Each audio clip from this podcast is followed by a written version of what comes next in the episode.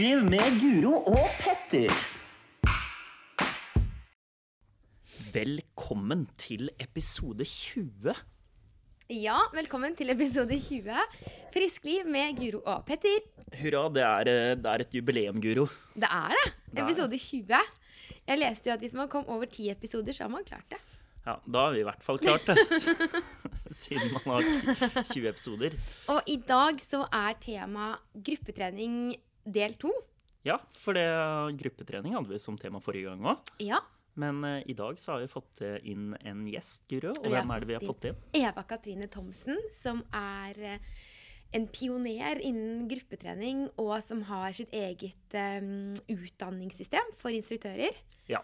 Hun er, ja, hun er faktisk en av de flinkeste jeg veit om, så det var veldig hyggelig å ha henne på besøk. Vi eh, føler oss heldige som har Eva Katrine på podden. Mhm. Eh, Så jeg gleder meg til å høre på intervjuet. Ja. Og så skal vi prate litt om min og din trening, da. Det skal vi. Og vi har vært og løpt, Guro. Ja, vi kommer på en måte rett derfra nå. Ja, vi kommer direkte fra Drammen 10 km.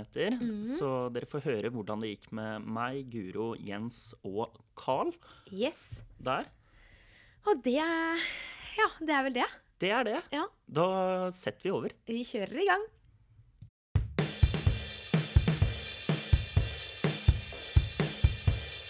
Ukas tema.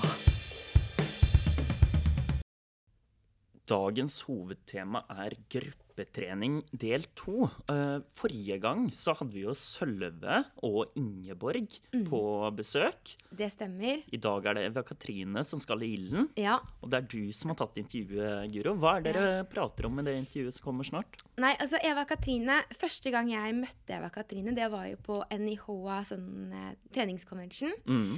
Og da hadde jeg meldt meg på en dansetime, og det er ikke så mange dansetimer rundt omkring lenger. Så jeg var veldig spent. Og Eva Katrine hadde en dansetime som var helt fantastisk.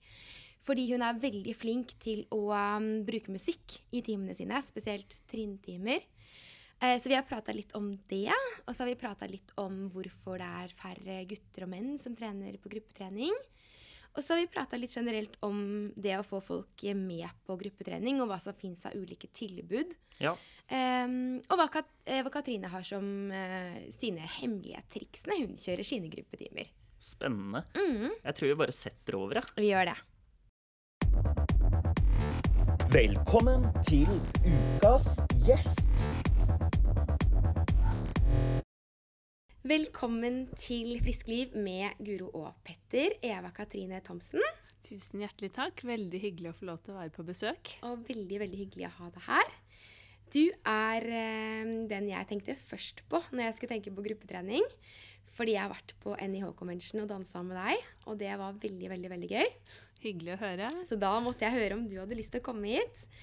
Eh, jeg har skrevet master i idrettspsykologi og coaching, personlig trener og gruppetrener. Og daglig leder og eier av Inspartum, og der er det et akademi som utdanner instruktører. Stemmer. Og så fortalte du også at du har en Men to Move-plattform for hjemmetrening. Ja. Så du har veldig mange jern i ilden. ja. Det er nok å gjøre en variert og kreativ og morsom arbeidshverdag, for å si det sånn. Ja, og det er jo det man vil ha, er det ikke det? Jo, det er jo det, og det er det jeg trives veldig godt med. Og alt eh, dreier seg jo om eh, egentlig gruppetrening, som vi da skal snakke om også i dag. Men eh, ja, gruppetrening og trening fra morgen til kveld egentlig på en eller annen måte. Ja, ikke sant.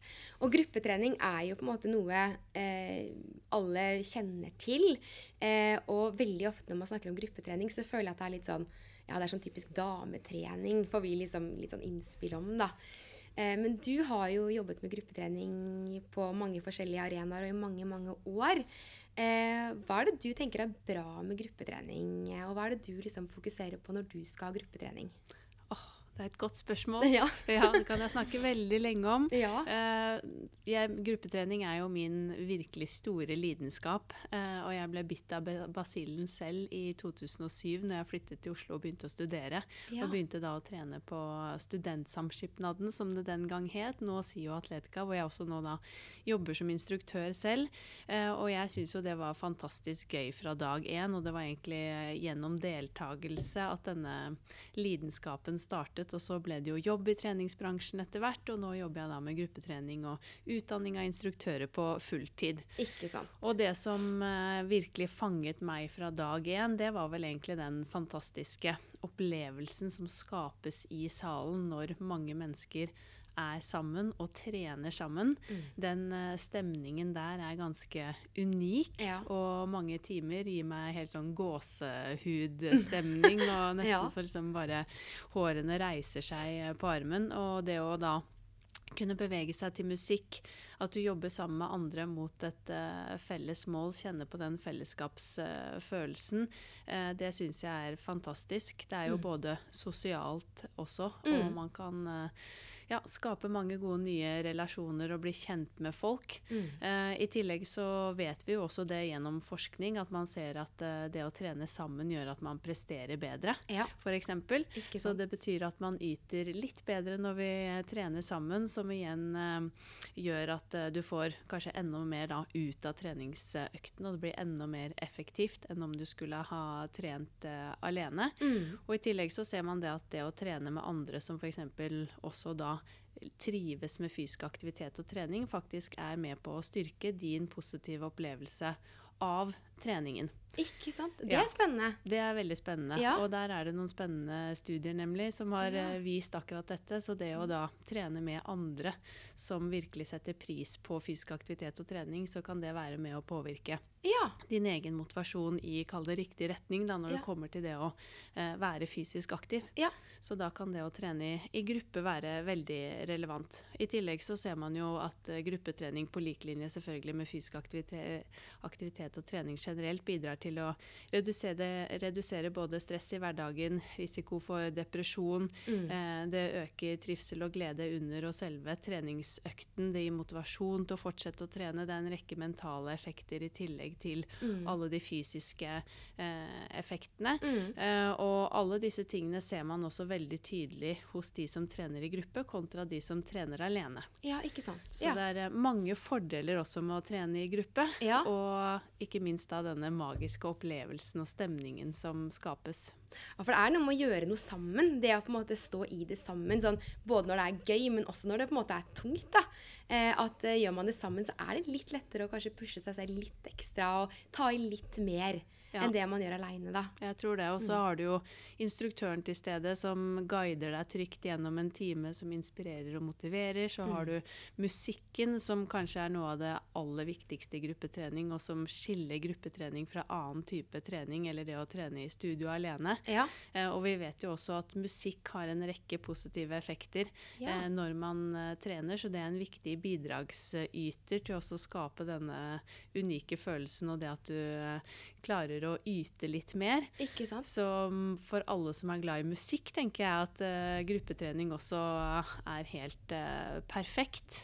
Men er det fordi eh, det med musikk, når du uh, lager dine timer, da, som du har på SIO, eh, da setter du sammen musikken sjøl. Hva er det du tenker på i forhold til å sette sammen musikk, og, og hva er det du har i bakhodet når du skal, skal lage den musikken?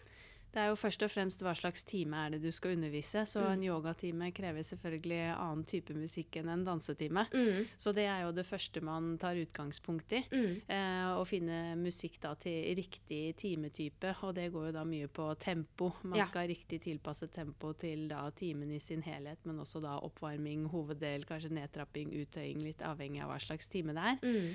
Og så prøver jeg jo generelt å alltid finne musikk som jeg tenker kan prø treffe flest mulig mennesker Ja, ja, i salen. Man ja. klarer jo aldri å selvfølgelig tilfredsstille alle som Nei. kommer, men at man prøver å velge så variert som mulig, eh, selvfølgelig. Mm. Og at man kan skape litt kontraster i musikken, og at musikken får lov til å være med å forsterke et budskap. Mm. Eh, og så har jeg ofte på mine timer et eh, tema, Ja. eh, spesielt i yogatimene. Og da er ofte også musikken med, gjerne også da med teksten, med Mm. å forsterke denne historien eller temaet eller budskapet som jeg ønsker å formidle. Mm. Eh, og det kan også være tema på f.eks.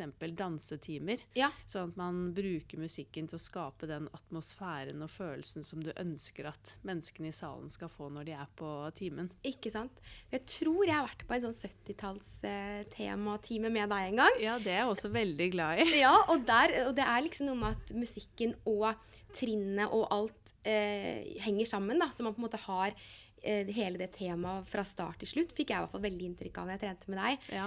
Um, og det også er jo på en måte den gleden kanskje det bringer frem hos eh, deltakerne òg, da. Ja. Ja, jeg tenker jo at eh, det å ha det gøy når du driver med gruppetrening er jo helt essensielt. Og det er jo det som også er spesielt med gruppetrening, når du da beveger deg til musikk. Mm. Du glemmer tid og sted. Eh, man glemmer at man egentlig kanskje da trener Ja. og gjør ting som man i utgangspunktet kanskje syns er litt utfordrende å kanskje få til på egen hånd. Ja. Så er det en enorm hjelp å da gjøre det, som vi har nevnt, sammen, Mm. men også da til musikk. Ja. Eh, sånn at hele mm, treningsøkten blir en opplevelse, Ja. fremfor at det bare blir eh, trening. Og da er det på en måte kanskje litt høyere sannsynlighet for at det er ålreit å komme tilbake på timen eh, neste uke også. Ja, Ja. og det er jo det vi ønsker, i hvert fall vi som jobber som gruppeinstruktører, å Ja. skape de unike opplevelsene som folk får lyst til å komme tilbake Ja. til. For det er jo det som er helt eh, avgjørende skal vi lykkes i det lange løp. Mm. Og man ser jo også at uh, gruppetrening uh, hjelper folk til å klare å vedlikeholde treningen, altså kontinuitet. Mm. Så man ser jo også at de som trener i gruppe, ofte er de som klarer å trene mer regelmessig Mm. enn de som trener i studio. Så det tenker jeg er enda en fordel til å kanskje ta steget og begynne med gruppetrening. For da har du en instruktør du blir kjent med. Mm. Du føler kanskje litt mer forpliktelse til å møte opp. Ja. Eh, Du kan kanskje booke deg på en time. I Mm. tillegg så møter du andre, eller du kan dra sammen med kjente. Mm. Gjøre det til en eh, sosial greie i løpet av hverdagen. Mm. Eh, og ikke minst da glede deg til å møte de andre på trening. Ja. Så det blir jo veldig mye mer enn bare alle de knebøyene som skal gjøres, eller ja. alle de hoppene, eller det som gjennomføres, men det blir denne sosiale eh, Arenaen. Ja. Mm, Vi var jo på NIH um, fagdag eh, forrige uke, og da snakket vi om at det er jo 70% av Norges befolkning som ikke når eh, Helsedirektoratets anbefalinger i forhold til fysisk aktivitet. Og da tenker jeg veldig på det du sier om at det skal være gøy og lystbetont. For mange har nok kanskje litt den derre eh, gamle tankegangen om at det skal ha blodsmak i munnen, og det skal være nesten så jeg liksom ligger eh, på- med henda på knærne, liksom. Eh, hva tenker du i forhold til det? Jeg tror i hvert fall vi som jobber i treningsbransjen der dessverre bør eh, se på oss selv. Mm, ja. Og endre litt hvordan vi kommuniserer eh, hva trening handler om utad. Fordi vi som jobber i bransjen, vi vet jo veldig godt hva vi ønsker eh, å formidle, og hva vi i dag formidler. Og det finnes jo et hav av ulike gruppetimer, og alle kan virkelig finne sin plass. For Ja. du, du har de timene som du kaller det i gåsetegn er gå ned i kjelleren-økter. Ja. Hvor det er blod og svette og tårer, nærmest. Ja. Men så har du så veldig mye mer enn det òg. Du har dans, du har eh, ulike trinntimer, man har gåtimer, man har løpetimer, det Mm. er eh, seniortimer, det er barseltimer. Altså du kan virkelig finne noe for alle. Mm. Um, men der tror jeg at vi kanskje også er litt dårlige til å kommunisere ut dette tilbudet. Og Ja. det som ofte vises frem i sosiale medier eller på Ja. andre arenaer, er ofte disse nede i kjelleren-øktene. Ja. Eller dette litt mer ekstreme. Mm. Eh, men i dag så er det jo ja, myke yogatimer, det er rolige timer, det er eh, lystbetonte ja, disko- og zumba-timer. Det er virkelig et spekter i treningsbransjen i dag Ja. hvor alle kan finne sin, Sin plass. plass, ja. Mm. Men jeg tror fortsatt at mange tror at vi bare holder på med dette ekstreme, Ja. og at det kan virke litt uh, skummelt. Og det syns jeg jo er veldig synd. Mm. Uh, så jeg brenner jo veldig for at vi kan klare å gjøre uh, denne Kall det markedsføringen og kommunikasjonen utad eh, enda bedre. Mm. Ja. Og nå eh, ut til enda flere. Jeg er så enig, og det er det vi også virkelig har lyst til. Eh, og her på Frisklivssentralen så har vi kun gruppetrening. Eh, vi har det to ganger i uka. Um, og vi har fokus på styrke og kondisjon. Eh, en økt med styrke og en med kondisjon. Og hos oss så har vi både kvinner og menn. Um, og så var det en, eh, en av de gutta på timen som, som etter at vi hadde hatt sirkeltrening, sa liksom at dette her er skikkelig gøy å trene sammen og sånn. Og så kom vi inn på dette med gruppetrening og sånn. Ja, men det her er jo ikke gruppetrening. Jo, men det er jo gruppetrening. Ja. Eh, men jeg tror kanskje det du sier der, da, at man har nok sett for seg at det var mer sånn damer som står og danser zumba, da. Man, Ja. man så liksom ikke for seg at man kunne trene med andre stasjonstrening, f.eks. Så det, med, det du sier der med å kanskje få litt bredere spekter av hva som kommuniseres, Mm. der tror jeg nok det er en god jobb å gjøre. Ja. Nei, det er jo ikke sånn at gruppetrening i dag bare er forbundet med, som jeg pleier å si, rosa leggvarmer og høye kneløft i takt til musikken. Nei. Det er jo virkelig så mye mer enn det, men det er det å få folk til å faktisk forstå det. Og så tenker jeg også at crossfiten på en måte har hjulpet oss litt med det, fordi der trener man jo i gruppe.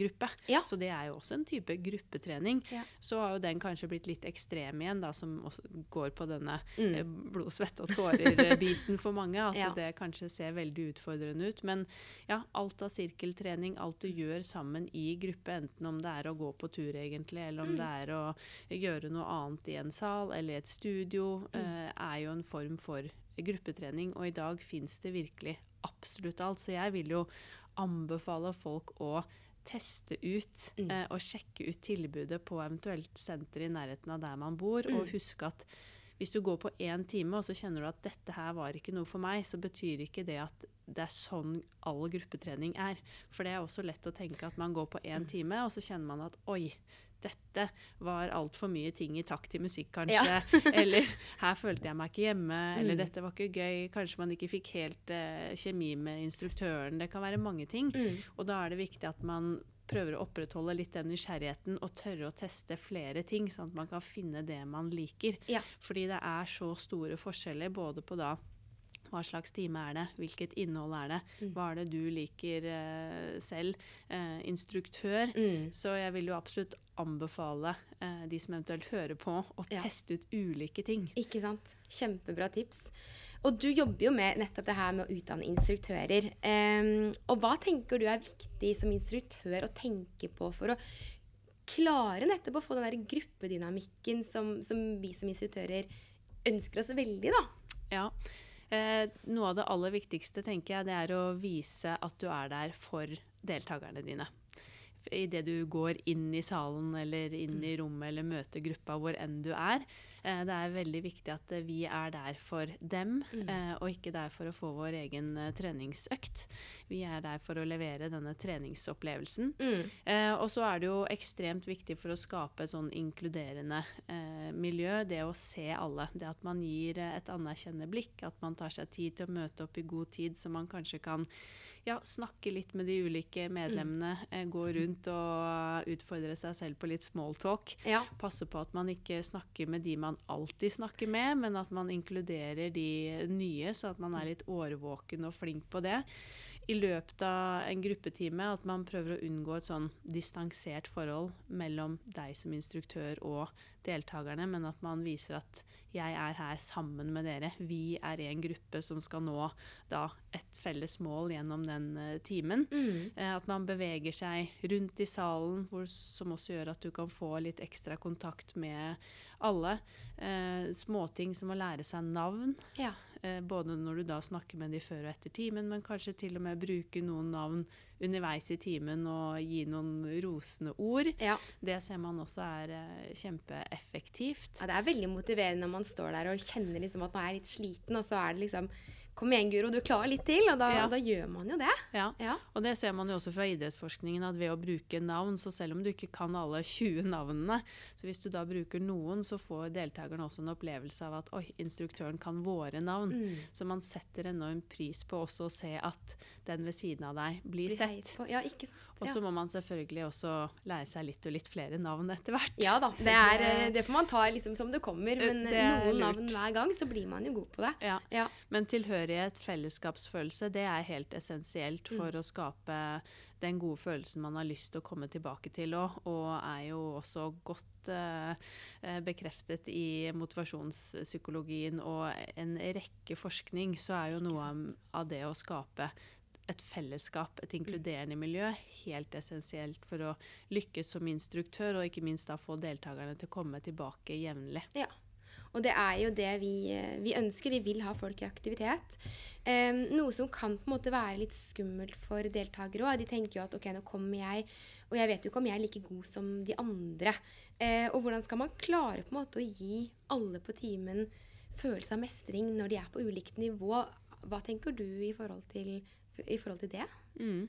Det er selvfølgelig en uh, utfordring for instruktører i gruppetrening, fordi vi har ikke privilegiet som personlige trenere har, som jobber én til én.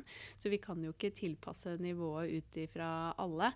Men uh, man ønsker å prøve å legge til rette for det vi innen hvert fall idrettspsykologien kaller optimale utfordringer. Altså at alle kan oppleve mestring ut fra sitt nivå. Mm. Og da er jo dette med alternativer og variasjoner det aller viktigste du som instruktør kan sørge for. At man mm. alltid har et alternativ på lager, og at man er årvåken, ser an gruppen sin mm. eh, og ser trenger jeg å gi litt ekstra alternativer her, går det greit, kanskje jeg skal skalere ned eller opp. Mm. Så det er jo på en måte det enkleste man kan gjøre for å legge til rette for den følelsen av at de også da kan velge selv, yes, ta ja. riktige beslutninger basert på sitt eh, utgangspunkt mm. eh, gjennom timen. Ja.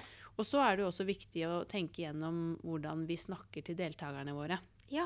At det er viktig at vi forklarer at mm. her er vi en sammensatt gjeng. Mm. Noen har vært her i lang tid, noen er kanskje nye. Mm. Eh, hjelpe dem til å fokusere på personlige målsettinger. Mm. Jeg pleier ofte å nærmest si at tenk at du tar på deg sky, liksom skylapper og eh, fokusere kun på deg selv. Sånn at vi prøver å unngå den sosiale sammenligningen med de andre i salen. Ja. For de heller vet jo ikke hvor lenge personen ved siden av har gått på den dansetimen f.eks., eller om hun eller han også er helt ny. Mm.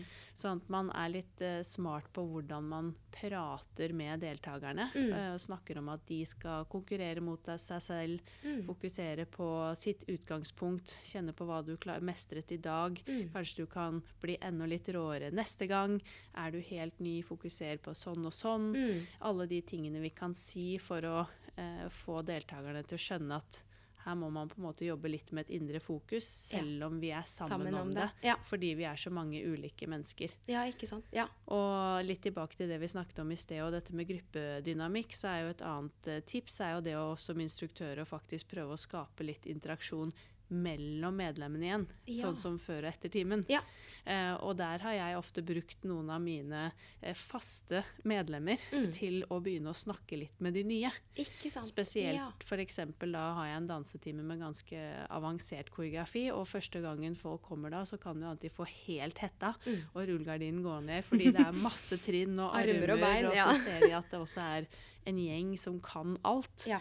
Eh, men de, noen av de har jo gått på min dansetime siden 2016 fast. det er klart at det, ja. Så de har øvd litt. De har vært med noen ganger. Og, men ja. det vet jo ikke de nye som kommer.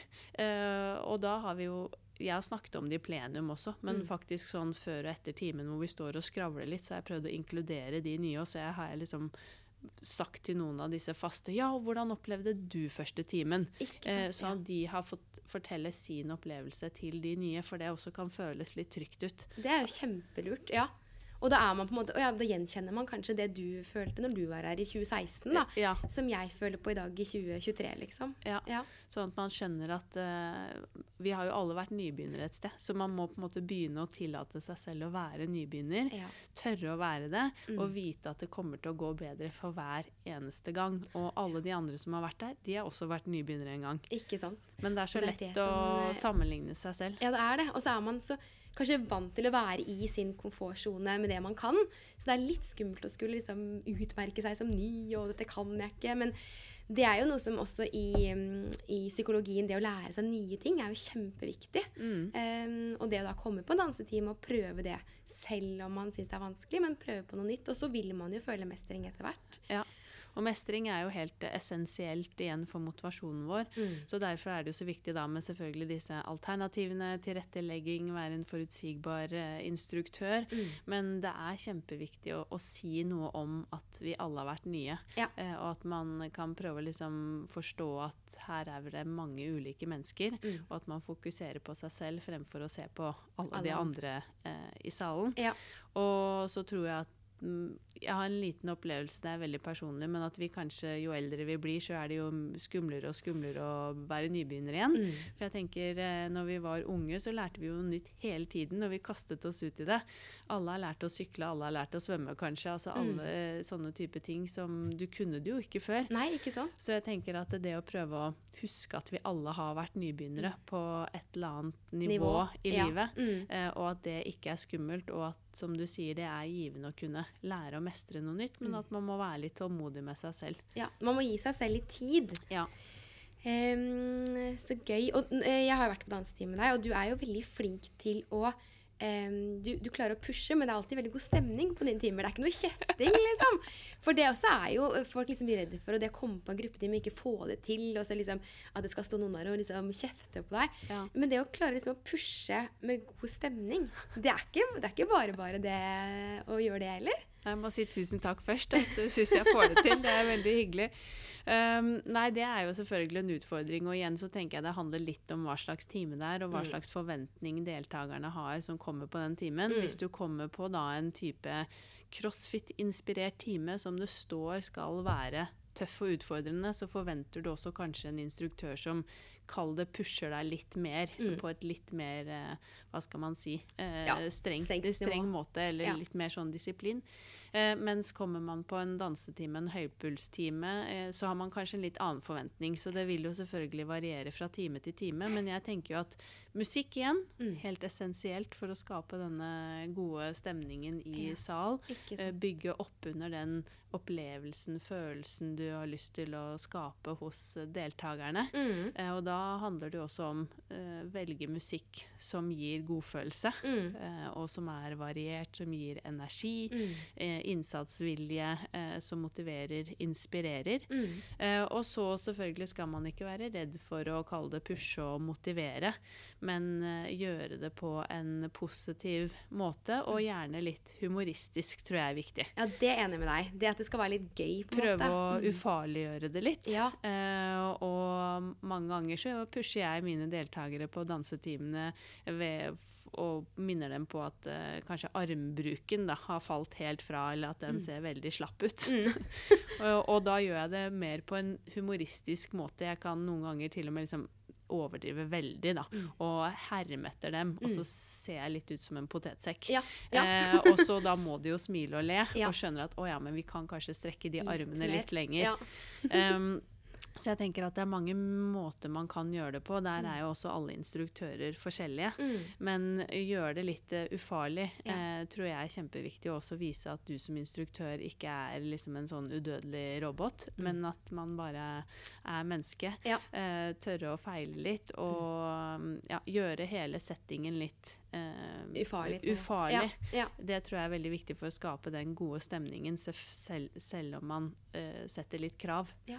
Og så forklare selvfølgelig også hvorfor man eventuelt gir de konkrete tilbakemeldingene, eller hvorfor man ber eh, deltakerne om å gjøre Mm. eh, som du ber dem om. Eh, for får de en forklaring for, på hvorfor, så er det Så- også mye lettere Ja. å forstå, men også få tillit til deg som instruktør. Ja. for vi eh, kommer jo ofte da med konkrete arbeidsoppgaver fordi vi ønsker at de skal lykkes enda bedre. Mm. Så vise at du er der for å veilede dem, eh, hjelpe dem mot eh, et nå eller annet ja. mål, Mm, ja. eller bli bedre, Ja. eller prestere bedre. Ja. Eh, eller å finne enda mer glede i det de gjør, fremfor å være veldig styrende. ja, ikke Mm. sant.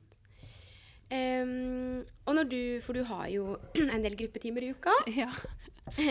Hva, hva er det som er en vellykka gruppetime for deg, når du har hatt en gruppetime og så kjenner du sånn åh, nå, nå var det bra, liksom. Nå er jeg fornøyd. Ja. Hva skal til for å komme dit når du har gruppetimer? Åh, jeg må jo si at jeg alltid er fornøyd Ja, når jeg har hatt en gruppetime. Ja. Eh, det er liksom Uansett hva slags dag man selv har også som instruktør, så blir dagen bedre eh, når man har hatt en gruppetime. Mm. Og det er jo også veldig stas de gangene deltakerne også kommer og sier at eh, vet du hva, nå har det vært litt tøft, eller jeg har Mm. hatt en skikkelig dårlig dag, men dette her eh, reddet dagen min. For det er jo litt sånn et friminutt i løpet av dagen for både instruktøren og medlemmene. Ja, så det er jo fantastisk. Hvis ikke så vil jeg nok trekke frem de eh, Det er jo ekstra, noen timer som jeg kjenner at det er sånn som jeg nevnte innledningsvis, litt sånn ekstra gåsehudstemning. Mm. Og spesielt på kanskje trinntimer, så er det timer hvor alt virkelig bare flyter og eh, passer sammen. Musikk, trinn. Mm. Eh, også hvis jeg er med på andres timer, hvor jeg kjenner at dette virkelig sitter som hånd i hanske. Ja, ja. Eh, og som da gir deg denne følelsen av en sånn euforisk følelse hvor du glemmer tid og sted. Det er nesten som en sånn konsertopplevelse. Mm. Eh, og du vet egentlig ikke helt hvordan instruktøren fikk deg fra A til Å. Det bare skjedde, Ja. og plutselig er timen over. Mm. Eh, det er jo sånne øyeblikk som er ekstra magiske. I tillegg så kan det også være deltakere med masse energi. Mm. Eh, kanskje det er en gjeng som tør å lage mye lyd, bidra mm. eh, i gruppa. Ja. Eh, som kan være med å gjøre en eh, time ekstra spesiell. Eh, det kan også være timer som hvor man får en annen type kanskje feedback fra deltakerne underveis, eller du ser som instruktør at du lykkes med instruksjonene dine. Eh, at de kanskje presterte enda bedre i dag enn det de gjorde eh, tidligere. Ja.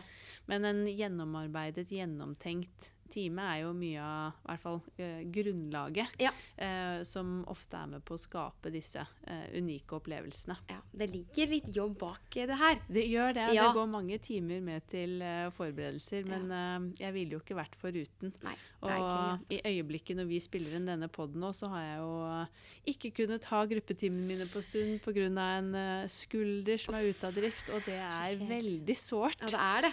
Og det er det verste jeg vet, faktisk, Ja. å ikke kunne ha gruppetimene mine, også fordi at jeg savner alle medlemmene og ja, Ja. deltakerne så mye. Man blir liksom en gjeng. Det er det som er så gøy. Og så får man jo veldig mye igjen for å ha de gruppetimene også. Ja, og det er jo noe jeg tenker til alle de som eventuelt eh, hører på og som kunne tenke seg å Eller er litt nysgjerrig på gruppetimer, er jo nettopp det at uh, jeg vil så inderlig gjerne anbefale dem å prøve og gi det flere forsøk. Mm. Uh, fordi at det å kunne bli en del av et sånt fellesskap, det er ganske unikt. Og jeg har veldig mange deltakere på mine timer opp igjennom som ikke har kjent hverandre før, Mm. men som har blitt uh, gode venner også på privaten gjennom kult. disse gruppetimene. Det er så nydelig, det. Og da tenker jeg da får du, da får du virkelig valuta for pengene.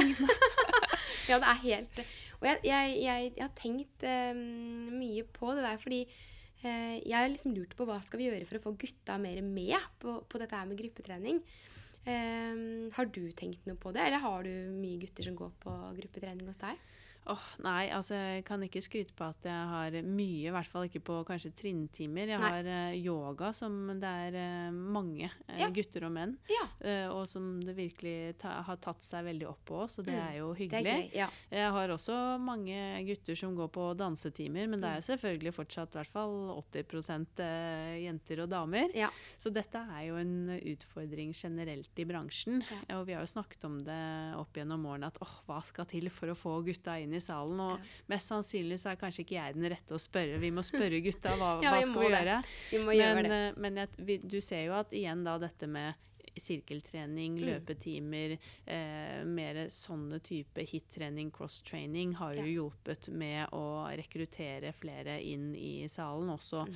eh, forståelsen for at eh, yoga kan være noe for alle. Ikke sant? Men så tror jeg fortsatt det henger igjen en del fordommer, apropos disse rosa leggvarmerne, og at alt skal skje i takt. Vi ser nok fortsatt eh, Jane Fonda, noen av de enda. Jeg tror det er eh, mange som kanskje er litt redd for at det er veldig mye ja, og spesielt kanskje ting som foregår i takt i musikken, Ja. eh, som er, foregår inn i disse salene. Ja. Eh, og igjen den frykten kanskje for å være en nybegynner eh, og ikke mestre. Mm. Ja. Eh, fordi alle andre har gjort det veldig Mange mange, ganger. ganger. før. Den tror jeg nok også sitter der hos mange. Men igjen så tror jeg det er viktig for oss da som jobber med dette, at vi ja, prøver å ha som Altså vise frem tilbudet vårt, invitere til åpne timer. Ja. Um, det er jo tipp topp med de stedene hvor man har saler hvor man faktisk kan se inn og se hva som foregår. Det Ja. ufarliggjør det. Ja. Um, så det er mange ting man kan uh, gjøre, men det handler jo mye om å klare å bygge opp et,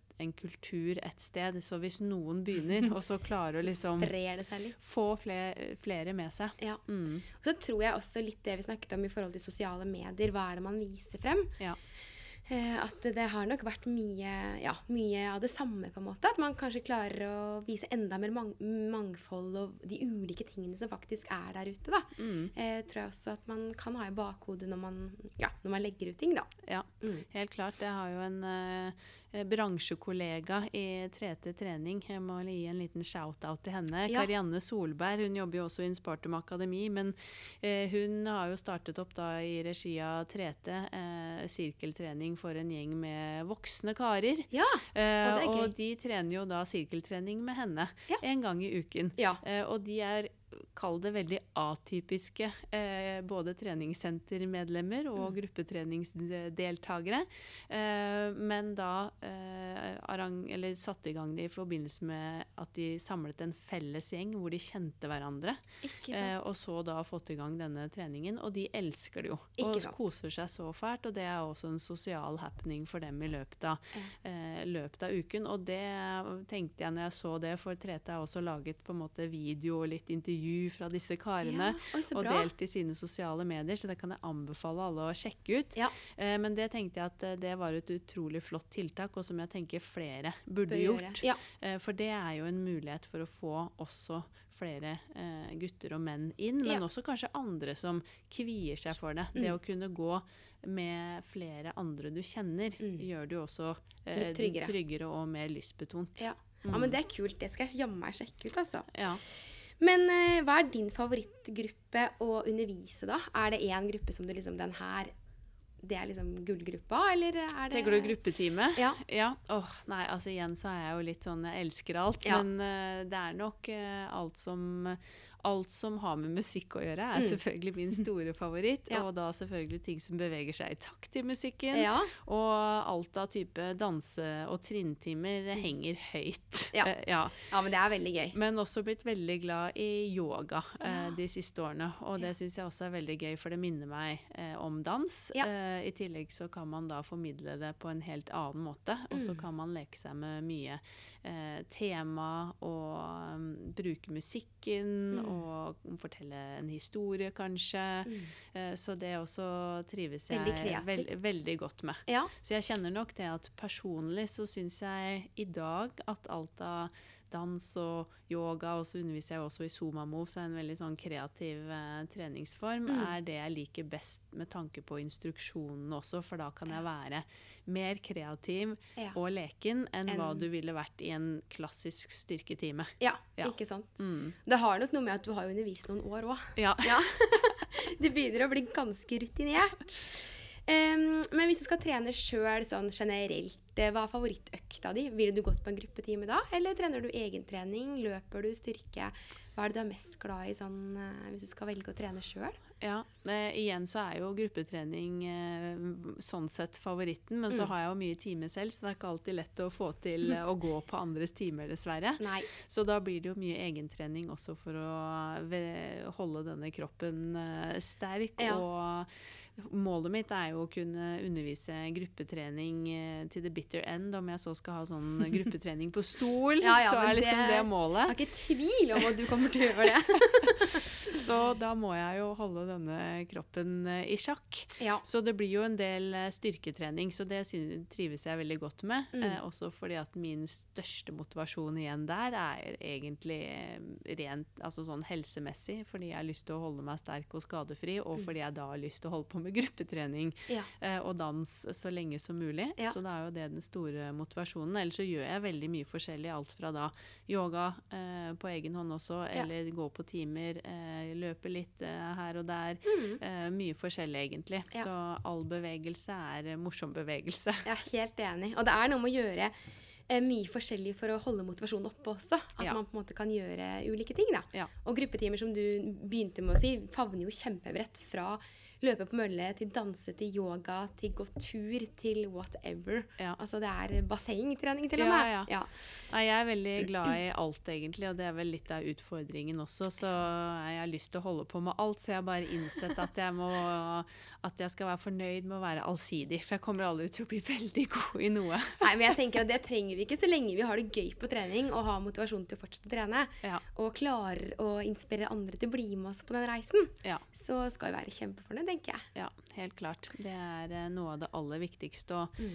ja, det, hvis man liksom kjenner på hele tiden dette med utfordring til å komme i gang med fysisk aktivitet og trening, eh, så er jo dette med lyst, det å finne noe man faktisk eh, trives med, Ja. Helt essensielt. Og det ser man jo innenfor igjen da idrettsforskningen når det kommer til motivasjon, eh, Mm. atferd, hvordan klare å f.eks.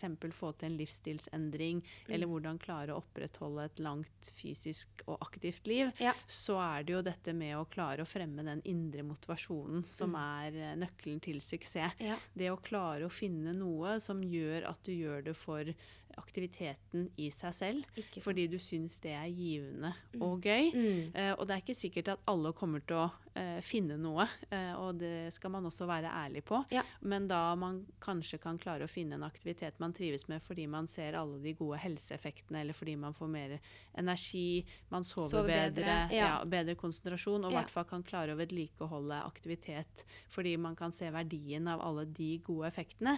Hvis ikke så vil jeg jo anbefale alle til å prøve å lete etter noe de syns er gøy. Mm.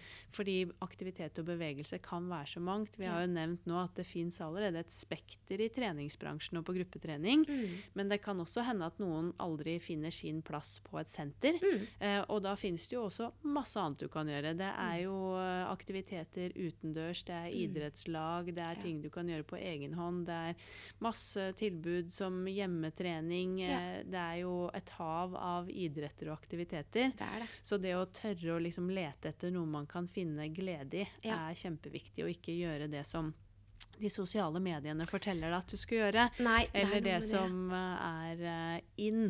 Det er noe med det. Og jeg husker vi intervjua Jørgen Foss, og han, jeg husker han sa det at jeg hater det med spinning. Jeg hater spinning. Ja. Og da er det jo veldig fint å tenke på at man trenger jo ikke å gjøre det. Man kan gjøre hva som helst, og liker man ikke å løpe, så trenger man ikke å løpe. Nei.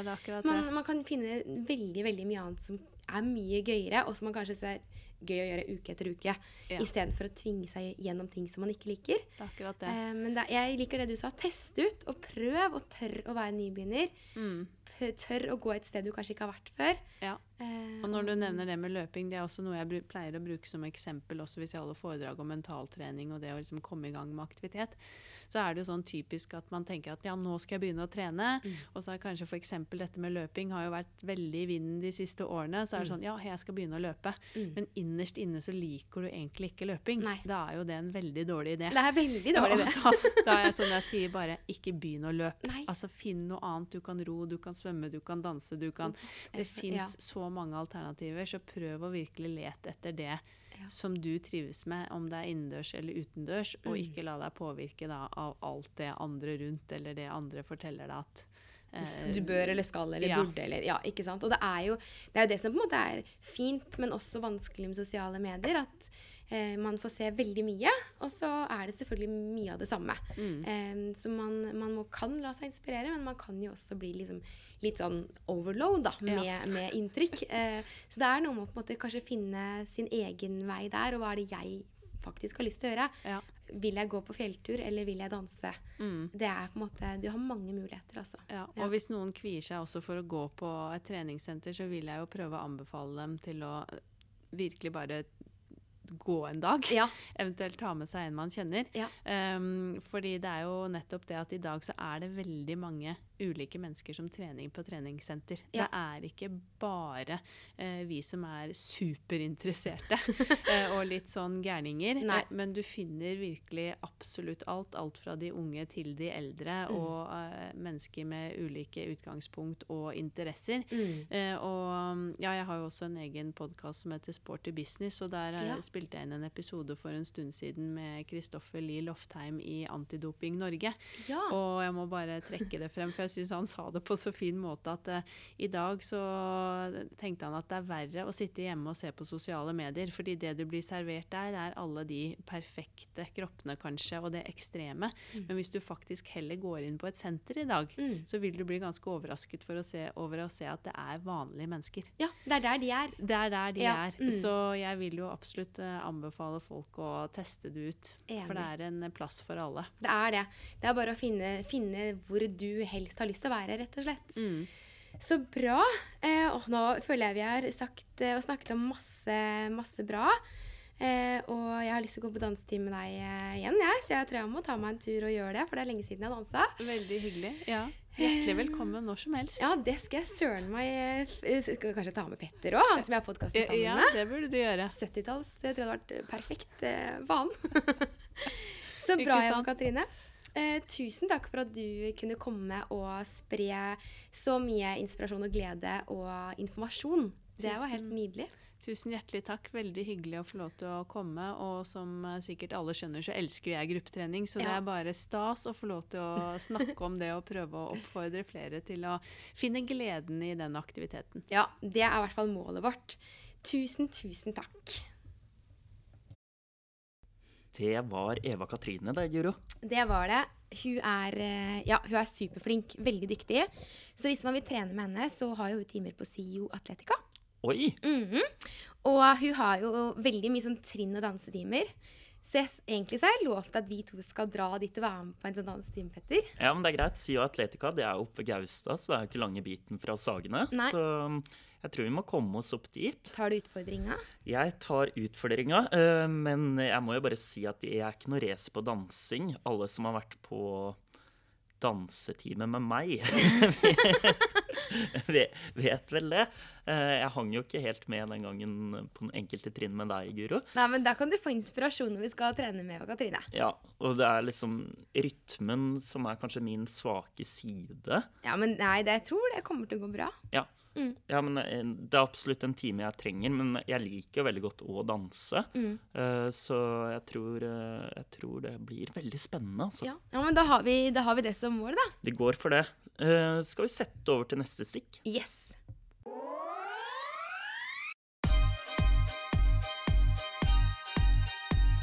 Guro og Petters trening.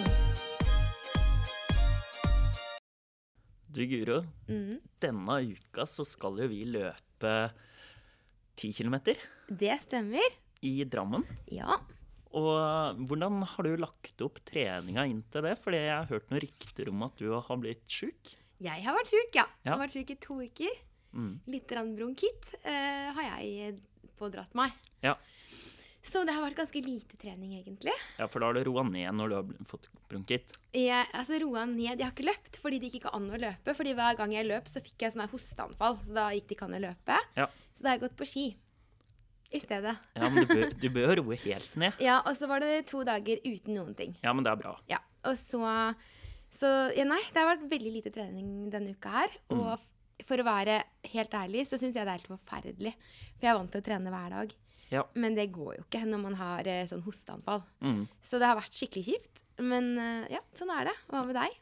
Eh, Med meg så har det ikke vært sånn veldig mye trening. Jeg har vært på skirenn på Tolga på, Ja. med de skigruppa som jeg trener. Mhm. Eh, Martin han ble nummer ni, Ja, så det var veldig bra. veldig bra.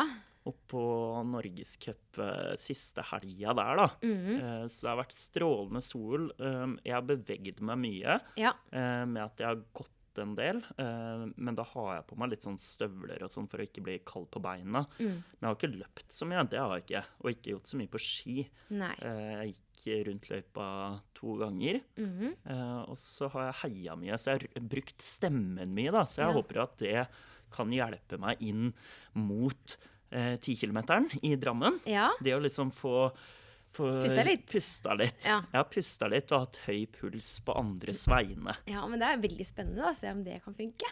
Det kan fungere, tror jeg. Ja, Eh, Så det er min eh, taktikk. Ja, min Ja. taktikk. Og så var egentlig planen dagen før løpet å eh, løpe litt, men det orka jeg rett og slett ikke. Da var jeg så sliten at da måtte jeg bare ligge på sofaen. Ja. Ja, Men man må jo lytte til kroppen òg.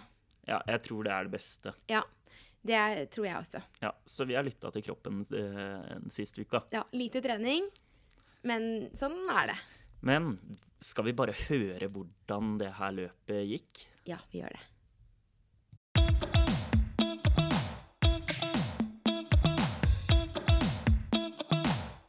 Ukas utfordring. Vi kommer jo, Guro, direkte fra Drammen nå. Det stemmer. Vi kommer direkte fra Drammen. Og hvordan gikk det med deg? Nei, med meg så eh, gikk det greit. Ja. Em, jeg tenkte at eh, siden ikke jeg har fått trent så mye de siste to ukene fordi jeg har vært syk, så får jeg jo bare ta det som en hardøkt, da. Ja, for det var jo ti kilometer vi skulle løpe i strålende sol. Det var det. Et kjempefint løp. Det var masse folk. Mm. Det var veldig fin løype. Ja. Em, og det var veldig god stemning fra start. Mm. Så jeg tenkte at jeg får bare legge meg liksom i, i en sånn pulje og så bare se litt åssen kroppen er. Ja, for vi løper jo sammen med 2000 andre. Det var faktisk 2000 andre. Og det var sånn på start at vi sto veldig nærme hverandre. Det var helt trangt og skikkelig god stemning. Det var bra det ikke var korona. Ja, det var veldig bra. Ja. Um, ja, så da løp jeg på 41 minutter og 10 sekunder. ja men det er fort, da. Eh, som er helt eh, Ja, det, det var liksom det jeg på en måte hadde i dag. Ja. Så egentlig så eh, klarte liksom ikke å pushe så veldig mye, men, men allikevel så gikk det greit, da. Så jeg tenker at det var eh, ja, helt, eh, helt fin gjennomkjøring. I hvert fall med tanke på den oppladninga du har hatt, Ja. så er jo det kjempebra. Ja, men der gikk det jo veldig bra med deg, Petter. Ja, skal vi bare høre Vi kan jo bare sette over til McDonald's mm. på Liertoppen. For. Ja. vi tok jo et lite opptak av meg, Jens og Carl. Carl Ja, der. Vi, Da gjør vi det. vi setter over. Ja, da sitter vi på McDonald's på Liertoppen kjøpesenter. Og vi har løpt Drammen 10. Hvordan er formen, gutter? Nei, vi har, det var tungt i dag. Men det gikk fort for min del. Ja, er du fornøyd? Ja, jeg er fornøyd med løpet. Det, det åpna altfor rart, men klarte å holde greit inn. Så jeg løp på 34,12. Hva med deg, Jens? Nei, jeg fikk jo vært lengst i løypa igjen. Det var jo kanskje bra, det. Jeg trener mest. Ehm, Så det gikk vel som forventa og håpa at det skulle gå like bra som sist. Og det gikk jo nesten nøyaktig like fort eller sakte som sist. Stabilt god der, altså. Ja. Carl, hvordan gikk det med deg? Eh, men det samme det som eh, Jens. Eh, har jo ikke løpt noe siden forrige loppet, eh, rekordlöpet. Så hamnar jag väl på 20 sekunder eh, långsammare denna gången. Men med mycket bättre känsla i kroppen, så det var väldigt kul. Og du trener jo for ditt neste mål, som er Eh, Göteborgsvarvet, Ja. 13 maj. Så detta är egentligen min träning till det. Så Ja. liksom, jag har inte jättestora mål på de här loppen. Men i dag var det jättekul. Men eh, hvor langt er Göteborgsvarvet? Det er 21 kilometer, et halvmaraton. Så det er dobbelt så langt som i dag. Ja, Ja. det blir tøft. Ja. så bra. Men så var det jo over 2000 med. Ja, det var veldig mange med i dag. Og det var jo sol og veldig fin, flat løype. Ja. God stemning i løypa. Det var jo cheerleadere og andre som sto langs løypa heia. Det var en veldig fin opplevelse. Ja. Satt veldig pris på heiinga fra cheerleaderne. Men nå har vi eh, ikke noe nytt eh, løp, så nå må vi vel snart finne en ny eh, målsetning, da. ja. Vi må finne et nytt løp, så vi må inn og leite etter løp. Og så får vi bare komme tilbake til det løpet, Ja. tenker jeg. ja. Og så nå tror jeg jeg skal bestille meg en eh, McFlurry her. Nå skal, nå skal Petra McFlurry, så da avslutter vi fra McDonald's til Liertoppen storsenter. Det var alt vi hadde fra Frisklivssentralen på Sagene for i dag. Tusen takk for at du hørte på oss. Vi kommer med en ny episode neste mandag, så vi høres da. Takk for oss.